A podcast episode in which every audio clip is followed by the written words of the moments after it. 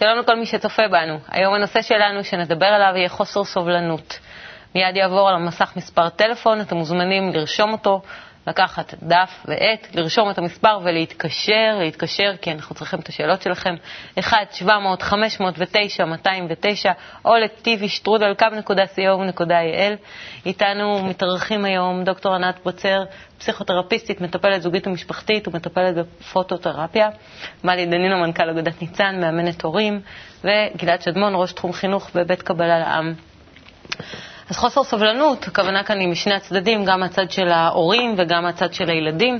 אני יכולה להגיד בתור אימא, שהמוטו שלי בתור אה, אימא לקנה מידה, אמת מידה, אם אני אימא טובה או לא, הוא בדרך כלל אה, סבלנות. אבל לפעמים המציאות הזו מכה על פניי, ודרך אה, מראת הילדים משתקפת לי תמונה אחרת, ואני מגלה את זה בצורה שנקראת חוסר סבלנות.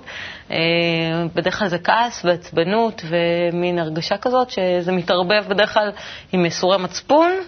לצד הטראומה הקשה שלי גורמות לילדים, ועד המצב הזה שמותר לי להיות לפעמים לא כל כך נחמדה. אז אני באה ושואלת אתכם, אה, מומחים יקרים, אם מותר לי באמת, ואם אה, כמה צריך באמת את הסבלנות הזאתי. אמ, וגם מהצד של הילדים, גם מהצד של הילדים, אה, הם רוצים היום, אני לא יודעת אם בדור הזה או לא, הם רוצים הכל כאן ועכשיו, אז גם כן אני רוצה לדעת ולגלות היום איך אפשר להאריך להם קצת את הפתיל, שיהיה קצת יותר ארוך, קצת יותר ארוך, אה, ואיזה כלים ניתן להורה בבית. נתחיל אה, מגלעד, כמה דרושה מידת הסבלנות הזאת. קודם כל, כמה זמן נתת את הפתיח הזה? סוף סוף את נותנת לי לדבר משהו. אין סבלנות. מה משהו, כן. אה, כן, אין ספק שזה אחד הסממנים הבולטים ביותר בדור שלנו ובשנים האחרונות, אה, חוסר במיוחד. סבלנות. כן, קודם כל כי הכל אינסטנט. כבר לא, לא רגילים לזה, לוחצים על כפתור, רואים מה שרוצים, שמים איזה אבקת מרק, המרק מוכן, אה, הכל... לוחצים לחמם משהו, אז תוך שנייה במיקרו זה מוכן. רוצים לדבר עם מישהו, מרימים טלפון, מדברים. אין... אה, הכל צריך להיות מיידי. אין כבר את המיומנות לסבלנות ומכאן גם לסובלנות.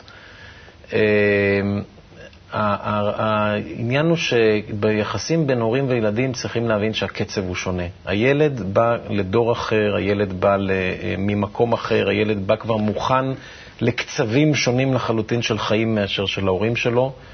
אני חושב שאם היה היום נולד ילד עם אה, קצב חיים של פעם, הוא היה נחשב לילד אה, מאוד מאוד לא, לא לעניין, לא, לא, לא הייתי רוצה לומר מפגר, אבל... ולא היה הולם את התקופה. כן. זקוק להרבה התאמות. היה זקוק להרבה התאמות, כן. היו אומרים שיש לו קווים אוטיסטיים.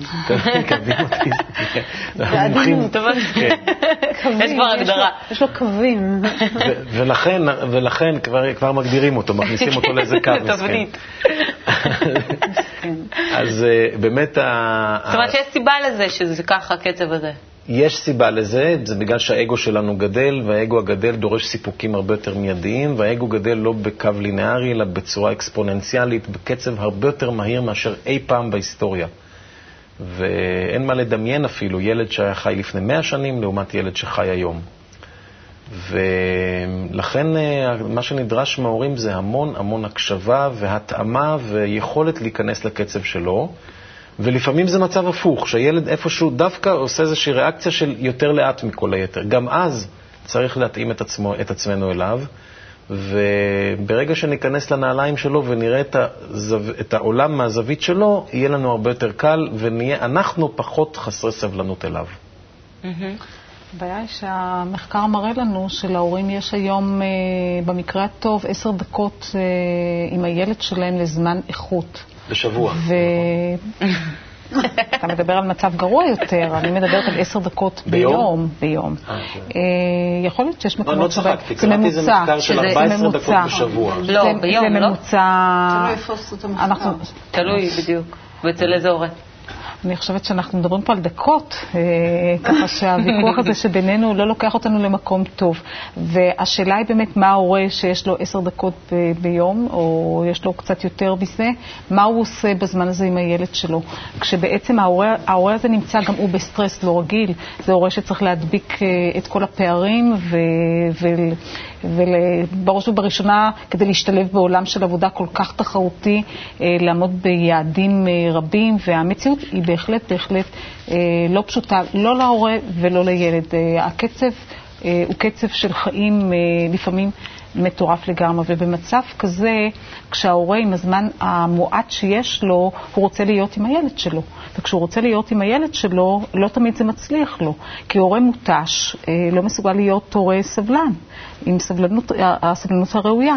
ולפעמים עדיף שההורה שאין לו את הסבלנות להיות עם הילד שלו, שהוא לא יהיה, שהוא יחזק את עצמו ויטעין את עצמו, ויהיה עם הילד שלו באמת בזמן איכות, כשיש לו את כל הסבלנות שבעולם. מה, שזה הכנה לקראת? אה, לא רק הכנה, הורה שהוא אה, מאוד מאוד לחוץ, זה הורה שצריך גם הוא. זקוק לשיח, למישהו שיקשיב לו, הוא צריך ללכת לשיחות, יכול להיות שהוא צריך ללכת ולעשות פעילות ספורטיבית, אה, הוא צריך גם לדאוג לעצמו. ההורה הוא הכלי החשוב ביותר, ולכן אנחנו מדברים אה, על זמן איכות עם הילד שיש בו הרבה סבלנות.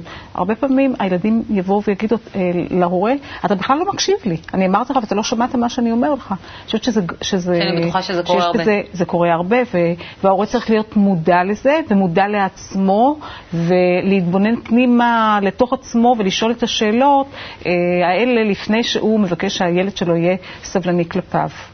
זה, זה גם סוג של אה, דפוס נלמד.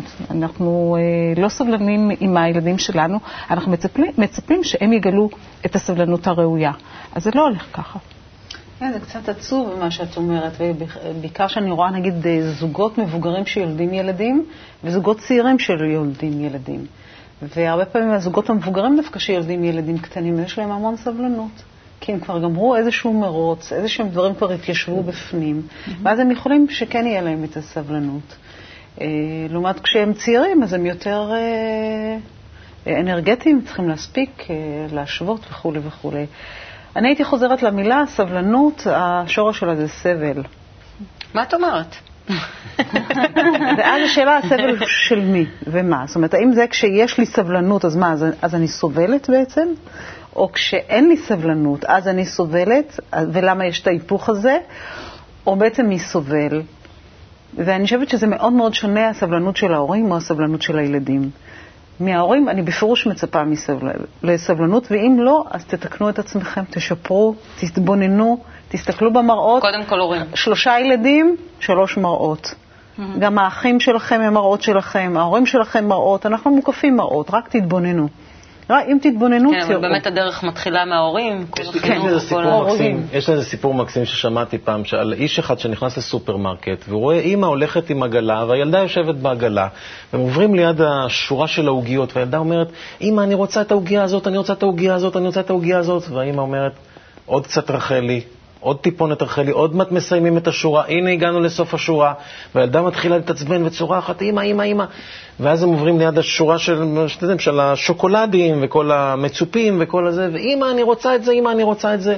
עוד מעט רחלי, אנחנו עוד מעט מגיעים לסוף השורה, עוד שני מטר, עוד מטר, תתאפקי קצת רחלי, ומגיעים לסוף השורה, ואז הם עומדים בתור, ובתור הרי אלה שמתכננים את הסופר, הם יודעים לשים שם את הממתקים ואת המסטיקים וזה, ואז עומדים בתור, והילדה כבר מטורפת, אמא, אני רוצה את המסטיק הזה ואת המסטיק הזה, ועוד מעט רחלי, עוד מעט מגיעים לקופה, הנה אני משלם את רחלי, ואז היא יוצאת החוצה עם הילדה, והאיש עקב אחריהם לאורך כל הדרך, פונה לאמא ואומר לה, תשמעי, זה היה מדהים, איזה יכולת איפוק, איך שמרת, אה, אה, איך לא, לא, רחלי הקטנה, דאגת לה, והיא אומרת לה, לא, הילדה קוראים לה לירון, אני רחלי. אז אני אעבור עכשיו לילד. זאת הדוגמה האישית. כן, עכשיו נעבור לילד. אז נהיה עסוקים קודם כל בלהרגיע את עצמנו, כן. ובכל זאת כנראה שזה כן משהו שמפריע מאוד להורים, כי הגיעו לנו הרבה שאלות, אז בואו נעבור לפינה לכל שאלה תשובה.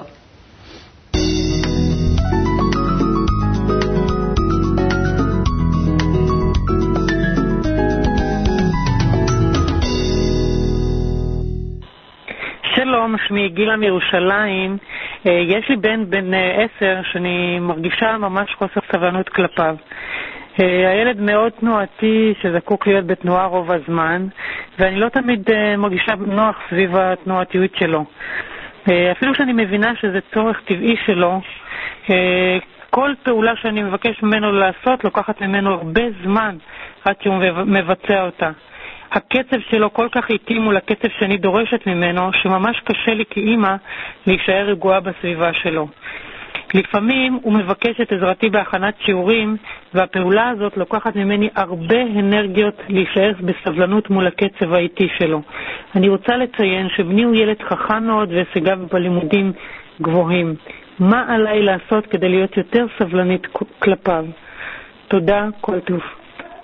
אוקיי, הרבה מתח אה, יש לאימא הזאת. כן, היא מתארת, כן, אבל כן. ממש ילד עם הפרעות קשב וריכוז, עם כל, הקריטריונים של תנועתיות, לא קשה. היא אה, גם אומרת, זה, זה משהו שהוא בטבע שלו, תנועתיות יתר, קושי בהתארגנות, אה, איטיות, קשיים בהכנת שיעורי בית, וזה ממש, אם נפתח את ה-DSM-4, אז אנחנו נראה שזה ממש עונה על כל הקריטריונים של ילדים שיש להם הפרעות קשב וריכוז. לעתים יחד עם לקויות למידה. אחרי שעושים אבחון, מה את מציעה? מצד שני זה ילד אה, עם, אה, עם אה, יכולות מאוד מאוד גבוהות ומשיגים גבוהים מאוד. והשאלה, מה אנחנו עושים אחרי שיש אבחון? Mm-hmm. השאלה היא עד כמה ילד כזה אחרי אבחון הוא גם מומלץ לטיפול תרופתי ועד כמה לא. אבל לילדים כאלה, למשל, פעילות ספורטיבית יכולה להיות מענה mm-hmm. מאוד מאוד הולם לקשיים האלה. הפעילות הספורטיבית מעלה את רמת הדופמין, מה שחסר. חסר להם בדרך כלל, כי זו בעיה שהבסיס המשוער שלה הוא אה, אורגני. לכן אה, הסבלנות אה, של האימא צריכה לבוא ממקום של אמפתיה וממקום שהיא מבינה של, של הילד שלה יש בעיה, יש קושי. יחד עם זאת הוא ילד מקסים ומיוחד שהוא יכול להגיע להישגים בלתי רגילים. אם אימא תהיה שם מאחוריו, תתמוך בו, תכיל אותו, תאהב אותו, אה, ולא תגלה אה, גילויים של חוסר סובלנות כלפיו, כי אה, זה מה שייצור אחר כך את הקשיים הרגשיים של הילד הזה, עם זה הוא יוצא לעולם. לכן הסבלנות במקרה הזה היא מאוד מאוד חשובה, מחויבת המציאות. אם הקשיים הם, הם, הם רבים וגדולים, יש מקום לטיפול תרופתי שמאוד מאוד עוזר. אה, יחד עם זאת, אה, צריך לשקול כמובן את כל ההיבטים האחרים. כפי שאנחנו שמים לב מהדברים שלך, במקום של סבלנות תמיד יש שניים. יש שני אנשים, לא משנה, ילד, אימא, גבר, אישה, תמיד יש, לא יכול להיות שהסבלנות, תמיד אני צריכה להיות בסבלנות למשהו. ובאמת, את שמת יותר את הדגש על המקום של הילד, תכף אני אדבר על ההורה, ואני, מבחינת, יש היום שיטות גם תנועה נפלאות. אה, אפילו לא ספציפית למקומות האלה, למשל ילדים עם אה, בעיות אה, של קשב וריכוז, אנחנו רואים אותם הרבה על הגלים, הם גולשים על גלים, בגלל שהתנועה של השמונה בגוף שלהם היא מאזנת להם את מוח ימון, ימין ומוח שמאל. יש הרבה תנועות של שמונה שמאזנות את המקומות האלה, גם בריקוד, בבלט, אז ממש להפנות אותם לאחד המקומות או איש מקצוע בתחום. ומבחינת ההורה? ומבחינת האימא אני אגיד רק דבר אחד, זה הכלה. אני חושבת שלאימא יש אה, אה, קושי מאוד גדול להיות קונטיינר, ופשוט אה, להכיל, להכיל. וזה יהיה טוב לא רק לגבי הבן הזה, אין לי ספק, זה, יכול, זה טוב לגבי זוגיות, לגבי משפחה, ויכולת להכיל זה להכיל עבודה. להכיל את עצמה קודם. כן, זה עבודה גדולה. אני, אני הייתי לוקח את המילה הזאת לעוד איזושהי הטיה קטנה שלה, הייתי אומר הכנה, לא רק הכלה, אלא בדיוק כמו שאנחנו מציעים לילד לעשות ספורט לפני, ה... לפני שהוא עושה שיעורים, זה גם שהאימא תעשה ספורט. שגם האימא תעשה תרגיל, אפשר אפילו ביחד, שיפרקו את כל המתח שלהם ויכינו את עצמם לפגישה. כי פגישה כזאת עם, עם ילד ש... אה, אה, ש... כשהקצבים הם שונים, אז אה, נוצ... נוצרים חיכוכים, נוצרים מתחים לשני הצדדים. דרך אגב, אני רוצה להגיד לך שמאוד יכול להיות שהאימא היא בדיוק אותו דבר כמו הבן. נכון. כשהיא הייתה בגילו, הייתה בדיוק אותו דבר. ואז קשה לה עם זה. אבל לכן זה גם משגע אותה כשהיא רואה את זה. למרות שמחקרים אומרים שזה עובר מאבא לבן בדרך כלל. אה, יש ח... על כל, אה, עד כמה שאני יודע, על כל חמישה אה, בנים היפראקטיביים, בת אחת היפראקטיבית, ואומרים שזה בדרך כלל עובר מאבא לבן. זה נכון מה אני... אני לא מכירה את המחקר הזה, אבל לא. מה שאנחנו יודעים, שהורים שיש להם לקויות למידה, הפרעות קשב וריכוז, יש סיכוי של אחד לשלושה שיהיה להם ילד עם אה, בעיה דומה. אבל מה שרציתי להגיד קודם, שמה שאנחנו מציעים להורים האלה זה לבוא לסדנאות. יש לנו סדנאות uh, תמיכה להורים שעושות עושות הבדל עצום. אנחנו לוקחים את ההורים מהמקום של החוסר אונים, מהמקום של החוסר הכלה, למקום... אתם בעצם מכילים את ההורים. אנחנו מכילים, בדיוק. אתם מכילים את ההורים, ואז ההורים יכולים לה... אנחנו נעבור לשאלה, זו שאלה שהגיעה אלינו דרך האתר. שלום, יש לי שני ילדים בני חמש ותשע. הילד בן החמש מתנהג בחוסר סבלנות בצורה מוגזמת. מוגזמת יחסית לשאר בני הבית. כל מה שהוא מבקש צריכים לספק לו מיד, אחרת הוא צועק וזועק שנותנים לו לשחק במשחק שלא מצליח בו בדקות הראשונות. מיד הוא מפסיק ולא מוכן להמשיך. גם הגננת בגן מספרת על חוסר הסבלנות שלו במשחק המשותף עם חברים נוספים. אין לו סבלנות אפילו לשמוע סיפורים לפני השנה. אני חוששת שתכונה זו תעצור אותו בהתפתחות שלו ובהתמודדות שלו בחיים. מה עליי לעשות כאימא כדי לסייע לו? כאן יש גיל יותר קטן. כן, אני חושבת שתמיד כשמסתכלים על ילד או על בעיה כזאת, אה, כמו שהיא מביאה, צריך, אה, יש, אה, סליחה אם זו מילה מקצועית, אבל יש בעיות שהן יותר על רקע אורגני, ויש בעיות שהן יותר על רקע התפתחותי, חינוכי, מסורתי, תרבותי וכולי וכולי. רגשי, נכון, וצריך לראות, לעשות הבחנה מאוד מדויקת מאיפה זה מגיע, אבל אחר כך, גם אחרי, הילד הזה אין ספק שהוא על רקע, מה שנקרא אורגני, זאת אומרת, הוא נולד עם זה, צריך לראות מה לעשות איתו. את דיברת מקודם, זה מתאים גם לילד הזה, אני חושבת, mm-hmm. ההבחנה שהיא דיברה, ואפילו עוד יותר בקיצוניות, אבל אסור לשכוח גם את החלקים האחרים שדיברתי עליהם, שהם לא משהו בפיזיולוגיה שלו, ולראות איך הקטע של החברה, של התרבות, של האימא, ההתנהגות שלהם, מסכנות, רק האימהות מדברות פה, האבות... אה, קיבלו חופשה. משוחררת. כן, ודווקא להם הרבה פעמים יותר קל עם הילד. נכון. מאשר האימהות. אה, כי יש להם, אה, באופן טבעי, יש להם אה, גבולות יותר ברורים מאשר אנחנו, שאנחנו נמרחות. אה, ולעבוד על שני הוקטורים וליצור אה, איזשהו מקום של שיתוף פעולה. אני הייתי גם לא פוסל לבדוק את איך, איך אימא ואבא נוהגים באוטו שלהם כשהם נוסעים לכביש. האם הם באמת כאלה סובלניים, ו- ו- כן, ו- נכון. ואיך הם מתנהגים לילד כשהוא לא עושה בדיוק מה שהם רוצים, ואיך, אה, עד כמה, איך הם, מה קורה להם כשמשהו מתקלקל או משהו לא זורם בדיוק כמו שהם מתכננים שיזרום. אם זה כלפי הילד, או אם, הם, לא יודע מה, איזה תבשיל נשרף במטבח, או משהו לא מצליח, איך הם מגלים, את, מה, מה מידת הסבלנות שלהם. יש לזה שם לדבר הזה, סף תסכול נמוך, ואני חושבת שמה ש... ישר הם מגדירים היום לא, כל יש- דבר. יש הגדרה- יש הגדרה לזה, אבחון של ניצן. הסיפור, לא, הדורות אני הם- באילנות גבוהים. לא, זה אבל- נחמד. אבל אני אסביר את זה. סף תסכול נמוך, זה אומר, לזה שם. זה אומר ש- שהילד הזה, אה, יש לו סף נמוך יותר מאשר לאחרים.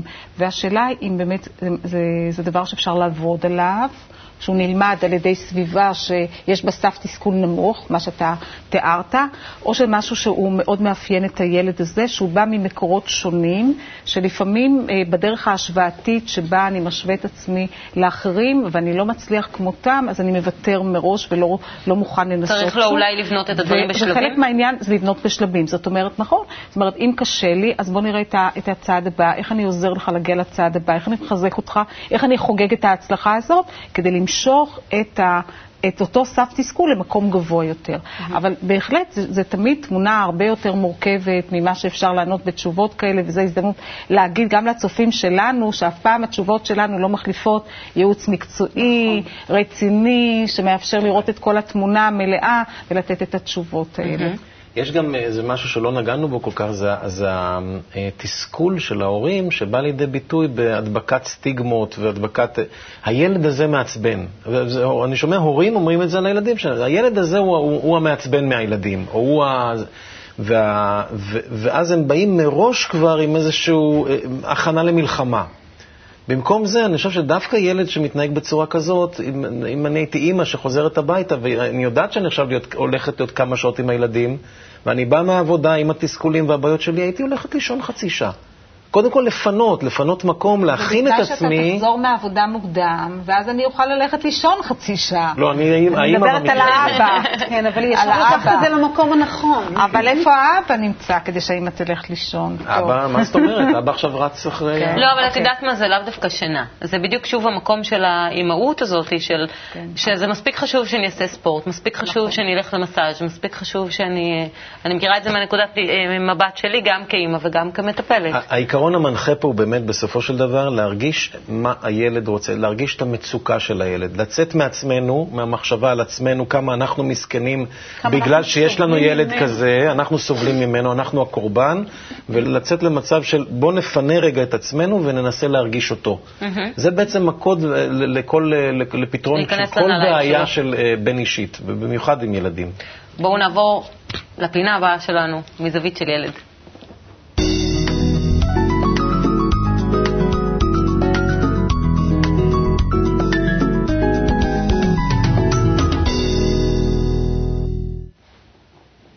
נשאר לנו להיות סובלניים עוד חמש דקות. בואו נראה מה הילדים חושבים על סבלנות. שלום, שמי שימי ואני בן עשר וחצי. קוראים לי שרה ואני בת תשע וחצי. שלום, קוראים לכן ואני בן תשע. האם את מכירה את התכונה של חוסר סבלנות? כן, אי אפשר לחכות מתי זה יקרה, או מתי את תעשי את זה, וכל היום מחכים, ואפילו בא לך לישון 12 שעות או 24 שעות בלי הפסקה רק כדי שזה יקרה.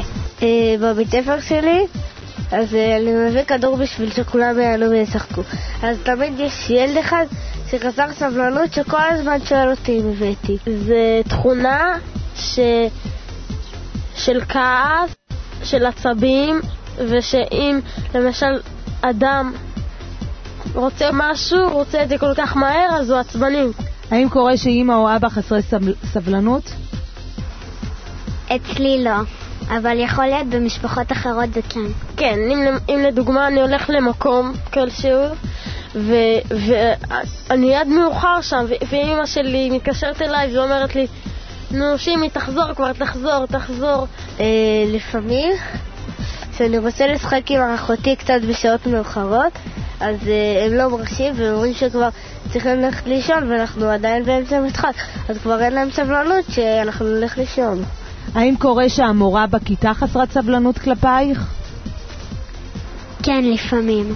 ואיך אתה מרגיש במקרה שאימא חסרת סבלנות כלפיך? זה מעצבן, זה לא נעים. מתי שזה קורה, אז אני לא יודעת מה לענות. ואיך אתה מגיב? אני מנסה לשמור את זה אצלי. אני מנסה לא להגיב, כי... כי... כי אני אקבל עונש ואני אקבל כפליים. איך אתה מגיב? בעצבנות, בגלל שאני כבר באמצע משהו והם לא נותנים לי לסיים. האם קרה לך שהיית במצב של חוסר סבלנות כלפי מישהו או משהו? כן. למשל? אה, כלפי, לדוגמה אחותי, היא, היא תופסת את המחשב. אז, אז זה לפי תורות, אז, אז אני מחכה, מחכה, מחכה שכבר יהיה תורי, וכאילו כל שנייה עוברת לאט לאט בכוונה. אז אני כבר חסר סבלנות לזה שיהיה תורי במחשב, ואז אני אוכל לשחק. לילד אחד שלי עזרתי לו בעבודה שהיה לנו בחשבון, אז, אה, אז הוא אמר שביום שישי הוא ייתן לי ממתק, וכבר אין לי סבלנות שהוא ייתן, והוא לא נותן, וכבר... אין לי סבלנות בשביל זה. מה לדעתך צריך לעשות כאשר נמצאים במצב של חוסר סבלנות? צריך להר... להרגיע את עצמך. זהו. איך למשל? למשל, אני כל כך מעוצבן על מישהו שאני לא יכול, אני חסר, כבר, אני חסר סבלנות. צריך להגיד לי, בואנה, שימי, חלאס, תרגע.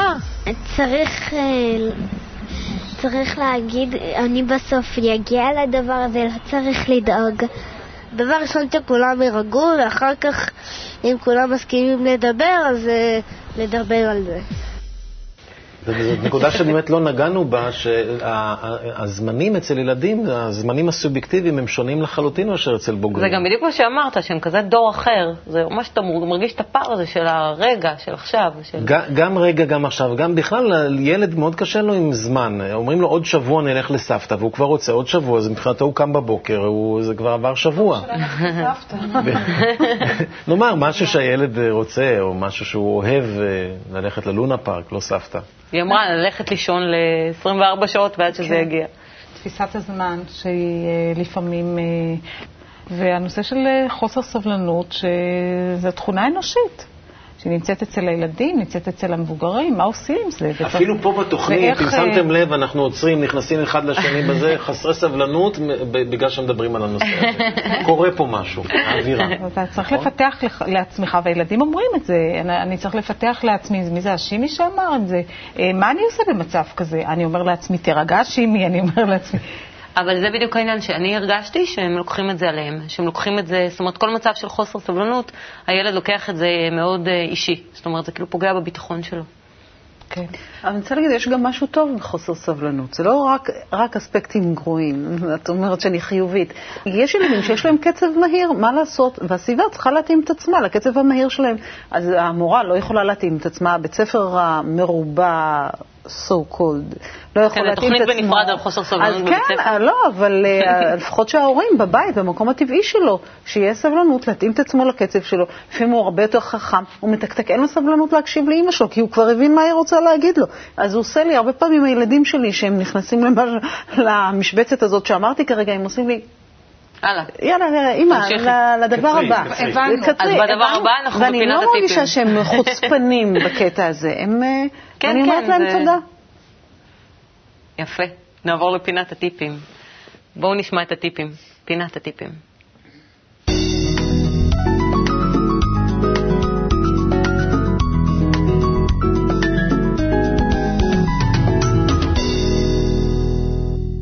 ענת, מה אני אגיד? חוסר סבלנות. אני אגיד סבלנות דבר אחד. הרבה, הרבה פעמים בערבית אומרים אה, סטנה, נכון? או סבלנות. אומרים, כן, יעני, כאילו, זאת אומרת, התנועה היא תרד לאדמה. אז אני מציעה לרדת לאדמה ולקחת אוויר, ואחר כך להמשיך. יפה. ואני מציעה שאם אה, אין להורים סבלנות, שהם לא ינהלו את השיחה החשובה הזאת עם הילד שלהם, ואפילו לא יענו לו ולא יפתחו את הדיון. ואפשר להגיד לילד, היום אנחנו לא מדברים על זה, או אני אתן לך תשובה על זה מחר, ול... ולעשות את זה. בזמן שהוא נכון ומתאים, ו... ולא באידנא דריתחא.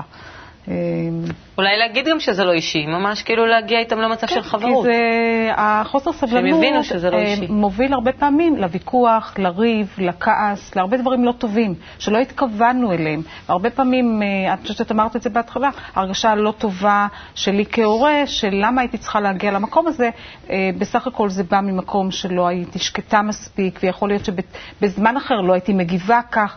לכן אנחנו אומרים להורים, תעצרו, תחכו, אה, אם אין לכם את הסבלנות המתאימה, לדחות את הדברים לזמן מתאים. הייתי אומר שני דברים. א', להתכונן למפגש. הדבר הכי חשוב שלנו בחיים זה המפגשים שלנו עם האחרים, במיוחד עם הילדים שלנו, וחינוך הוא כולל דוגמה אישית. לכן, אה, ההורה צריך להתכונן למפגש שלו עם הילד. זה לא מובן מאליו, אני בא הביתה וחלק מהדברים שקורים בבית זה הילדים. לא, להתכונן לזה. ואז להכין מה אני רוצה, על מה אני רוצה לדבר, איך אני רוצה לדבר, איך אני שם את כל יתר המטלות והדאגות והלחצים שלי בצד כדי לפנות את עצמי לילדים, ולהשתדל עד כמה שאפשר לצאת מעורי ולהרגיש את הילדים. ואם אני לא מצליח, אז אפשר ללמוד את זה. יש פשוט שיטה ללמוד איך להתעלות ולצאת מהמחשבות על עצמנו למחשבות ודאגות לזולת.